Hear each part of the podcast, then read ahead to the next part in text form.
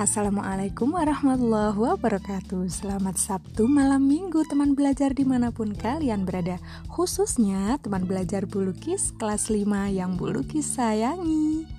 Hadir kembali di ruang dengar teman belajar semuanya Podcast teman belajar bersama bulukis yang akan menemani kalian belajar semuanya. Untuk teman belajar semuanya, semoga sehat dan semangat selalu ya. Untuk yang sakit, semoga segera sembuh dan bisa beraktivitas juga belajar bersama podcast teman belajar lagi. Pada episode kali ini, episode Sabtu ini, Bulkis akan menceritakan sebuah cerita yang seru pastinya ya.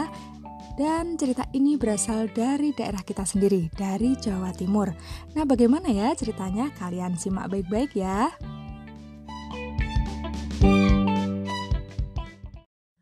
Dahulu kala, hiduplah seorang pemuda bernama Rangga Gading. Ia sangat sakti, namun sayangnya sering menyalahgunakan kesaktiannya dengan melakukan perampokan dan pencurian. Rangga Gading adalah pencuri yang lihai. Ia tak pernah tertangkap. Hal tersebut adalah karena ia memiliki kesaktian yaitu bisa mengubah dirinya menjadi apa pun yang diinginkan. Ia bisa menjelma menjadi binatang, menjadi pohon, menjadi batu, atau menjadi air. Suatu ketika, Rangga Gading mencuri kerbau lima ekor. Pencuriannya itu sengaja dilakukan pada siang hari untuk pamer kesaktian. Ketika warga kampung mengetahui kerbau-kerbau mereka dicuri, mereka pun beramai-ramai memburu pencurinya. Rangga Gading tertawa melihat ulah para penduduk dan muncul ide di kepalanya untuk mengerjai mereka. Dengan kesaktiannya, Rangga Gading mengubah kaki-kaki kerbau menjadi terbalik, sehingga jejak telapak kaki hewan-hewan itu. Warga yang mengikuti jejak itu pun tertipu mereka justru semakin jauh dari para kerbau. Warga yang putus asa kemudian memutuskan menangkap Rangga Gading di pasar. Mereka beranggapan Rangga Gading pasti akan menjual kerbau itu di sana. Tetapi dasar Rangga Gading tak mau kalah. Ia mengubah tanduk kerbau yang tadinya melengkung ke atas menjadi ke bawah. Kulit kerbau yang tadinya hitam diubah menjadi putih. Dengan demikian, selamatlah ia dari kejaran masa yang hendak menangkapnya. Pada suatu hari, Rangga Gading mendengar sebuah kabar mengenai tanah keramat di desa Karangmunggal. Konon, tanah itu mengandung emas sehingga lahan tersebut dijaga ketat oleh pengawal negara dan para tetua kampung agar tidak diganggu. Kabar itu membuat Rangga Gading justru menjadi tergiur ingin memilikinya. Ia segera naik ke atas pohon kelapa.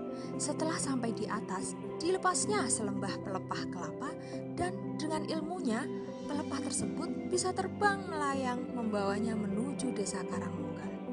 Sampai di desa Karangmunggal, Rangga Gading mengubah dirinya menjadi seekor kucing agar tidak diketahui oleh pengawal negara dan tetua-tetua kampung. Tentu saja para pengawal tertipu. Kucing jelmaan Rangga Gading itu tenang-tenang saja mengeruki tanah yang mengandung emas itu. Kemudian dimasukkan semua emas itu ke dalam karung yang dibawanya. Setelah karungnya terisi penuh Rangga Gading segera terbang kembali menggunakan pelepah yang sama menuju ke kampung tempat persembunyiannya. Sebelum tiba di tempat persembunyiannya, Rangga Gading berhenti sebentar untuk beristirahat. Di tempat yang sepi, ia membuka hasil curiannya. Lalu ia mengambil segenggam emas dan tertawa terbahak-bahak.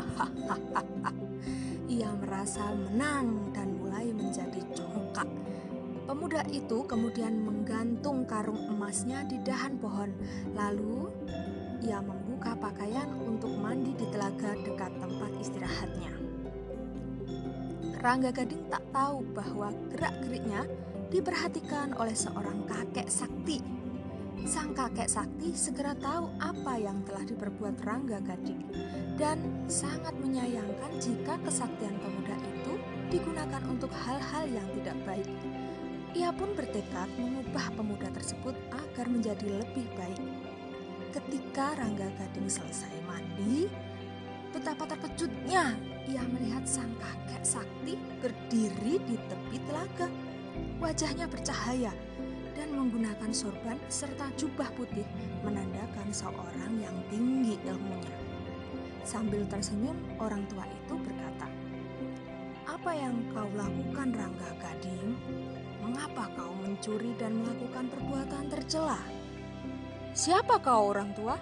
Bagaimana kau tahu namaku? Dan mengapa kau bertanya seperti itu padaku? Tak tahukah kau bahwa aku ini sakti? Rangga Gading mulai menyombongkan diri. Aku tahu engkau sakti, anak muda. Justru karena itulah aku bertanya. Pergilah kakek tua, jangan ganggu aku, atau aku akan Sebelum menyelesaikan kalimatnya, tiba-tiba Rangga Gading jatuh terkulai ke tanah. Tubuhnya terasa lemas tak bertenaga. Taulah ia bahwa kakek sakti itu yang membuatnya begitu. Ampun kakek, ampun. Rangga Gading berkata memelas. Baiklah, aku akan bertobat. Aku akan bertobat menjadi muridmu kakek. Tapi Tolong, tolong hentikan ini. Badanku terasa lemas dan sakit sekali. Baiklah, aku memegang janjimu. Sang kakek itu pun menghentikan mantranya. Tubuh Rangga Gading pun kembali seperti sedia kala. Dengan patuh, pemuda itu kemudian mengikuti kakek sakti sampai ke peguruan. Peguruan tersebut milik sang kakek sakti. Di sanalah Rangga Gading belajar bagaimana menggunakan ilmu dan kesaktiannya untuk hal-hal yang baik. Pemuda itu belajar dengan sangat tekun. Ilmunya bertambah tinggi, namun sifatnya tetap rendah hati. Ia berhenti mencuri dan merampok, dan lebih banyak membantu orang-orang di sekitarnya. Kakek Sakti sangat senang, dan perubahan tersebut membuat kakek menjadi bangga. Kakek Sakti meminta Rangga Gading untuk memimpin perguruan sekiranya nanti ia telah tiada. Rangga Gading pun menerima tanggung jawab itu. Saat sang kakek Sakti wafat, Rangga Gading pun memimpin perguruan. Murid-muridnya semakin banyak dan perguruan tersebut semakin terkenal di mana-mana. Nama Rangga Gading pun dikenal sebagai orang sakti yang baik hati.